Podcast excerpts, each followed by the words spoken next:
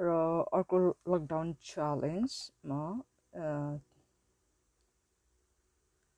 अहिलेको अवस्थामा लकडाउन च्यालेन्जमा चिया गफबाट म रूपाकुङको तर्फदेखि अर्को मेरो रचना म सेयर गर्न चाहन्छु। हजुर समक्ष आशा छ यो लकडाउनको समयमा जो कोठामा एक्लै हुनुहुन्छ अथवा काम गरिराख्नु भएको छ रेस्टुरेन्टमा अथवा ट्रेनमा हिँडिराख्नु भएको छ।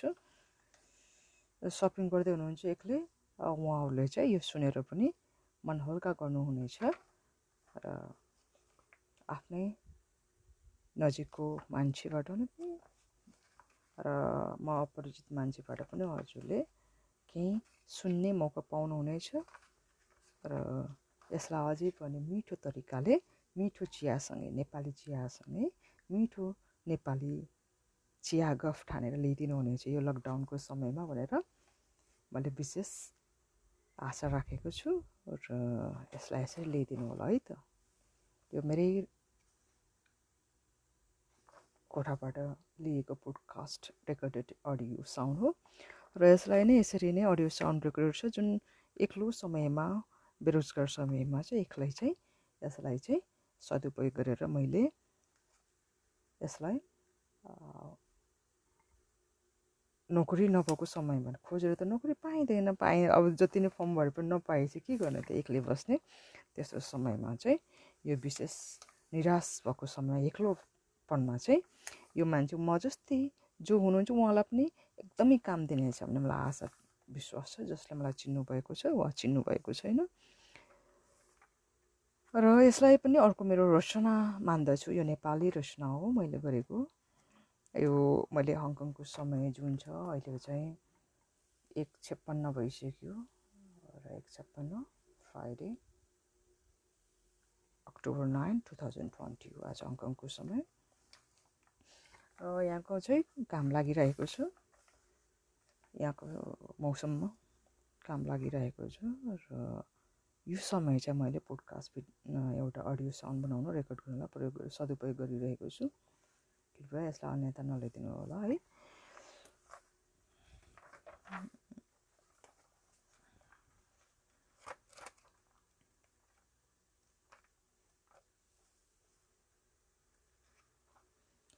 यो निकै पक्ष र विपक्षमा मानिसहरूको विभिन्न उतार चढावको जीवनमा एक्लो महसुस भइरहेको क्षणमा विशेष गरी यो भिडियो चाहिँ एकदमै महत्त्वपूर्ण कोसे ढुङ्गा साबित हुन सक्ने छ मलाई विश्वास छ।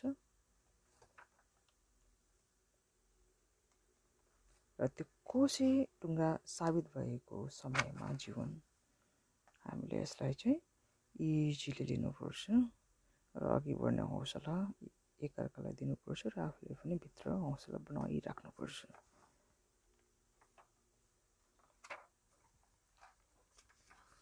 मान्छेको समय हो।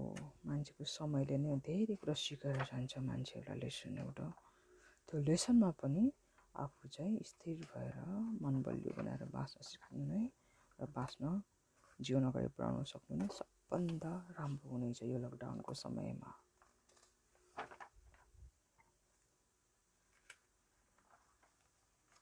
आफूसँग केही नभए जस्तो हुँदा पनि एक्लो महसुस हुँदा पनि त्यो समयमा कसैलाई मिठो बोलिदिँदा मिठो पकाइदिँदा कति राम्रो हुन्थ्यो होला है जस्तो लाग्ने कहिलेकाहीँ र नभए आफै मिठो पकाएर पनि त खान सकिन्छ होइन। अनि नभए यहाँ रेस्ट पैसा भए त रेस्टुरेन्ट गएर खाना पनि त हुन्छ नि होइन मिठो खाएर राम्रो दिन राम्रो महसुस गर्नु पनि त सकिन्छ नि कठिन समयमा होइन एक्लो समयमा। त्यसमा कुन टाढाका कुराहरू तर भविष्यलाई नै चुनौती दिने खालको समय छ यो अहिलेको समय भनेको। त्यो चुनौतीपूर्ण समयलाई कसरी सहज बनाउने कसरी सजिलो बनाउने आफूलाई दिक्क लागिरहेको बेलामा।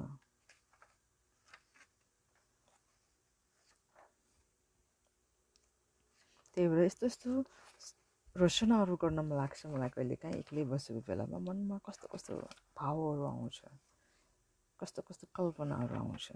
त्यसलाई चाहिँ टिपेर डायरीमा राख्न एकदमै मनपर्ने मेरो एउटा बानी छ पहिलेदेखिको त्यो बानीहरू चाहिँ यथा छ यस्तो अझै पनि छ त्यो बानीहरू। बेला बेलामा लेख्छु प्रशस्त समय सधैँ नभए तापनि सधैँ लेख्ने समय नहुँदा मुड नहुँदा पनि।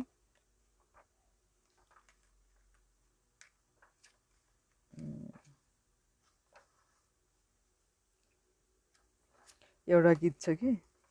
मैले पहिले बनाएको आउन त आइयो रे मायासँगै धोका पनि पाइयो रे। दुखेको घाउमा नुन झै नुन चुक झै छातीभरि चोट थाप्दा आजकल सबैको हाई हाई भइयो रे। होइन? आउन त आइयो रे मायासँगै धोका पनि पाइयो रे। दुखेको घाउमा नुन झै नुन चुक यहाँ नुन चुक चाहिँ छातीभरि चोट थाप्दा आजकल सबैको हाई हाई भइयो रे। होइन यस्तो हुन्छ जीवन भनेको कति बेला के हुन्छ? कसलाई थाहा हुँदैन कति बेला आफूलाई के आइपर्छ थाहा हुँदैन अनि लकडाउनमा पनि अनि अर्को लकडाउन पनि थपिँदै थपिँदै जाँदाखेरि त आफूलाई कस्तो फिल हुन्छ पढ्नेलाई थाहा हुन्छ खुकुरीको अचानकको पिर खुकुरीलाई थाहा हुँदैन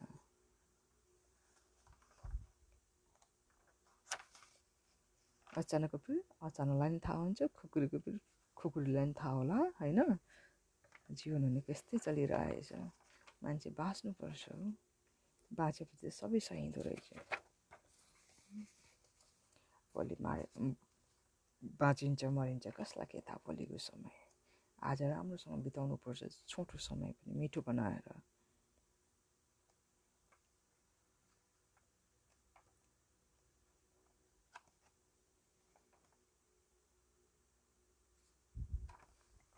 त्यसैले मैले अर्को नयाँ क्वेसन जो पहिला सेयर गरेको छु आज चाहिँ पोडकास्टमा त्यही कुरा सेयर गर्न चाहन्छु र अर्को लाइन छ अर्को हरफ छ मेरो रचनाको त्यो हरफ म यहाँ सेयर गर्न चाहन्छु जति टाढा जान्छौ मबाट तिमी त्यति नै माया गाडा पाउँछौ तिमी जति मन बाँच्न खोज्छौ तिमी त्यति नै गाटो फुकाउन तयार हुन्छु म पनि जति मनमा राख्छु पिर त्यति नै म बुझ्छु र बुझ्न खोज्छु तिम्रो मन हेर साझा तिम्रो मेरो यो तन साझा तिम्रो र मेरो यो जीवन।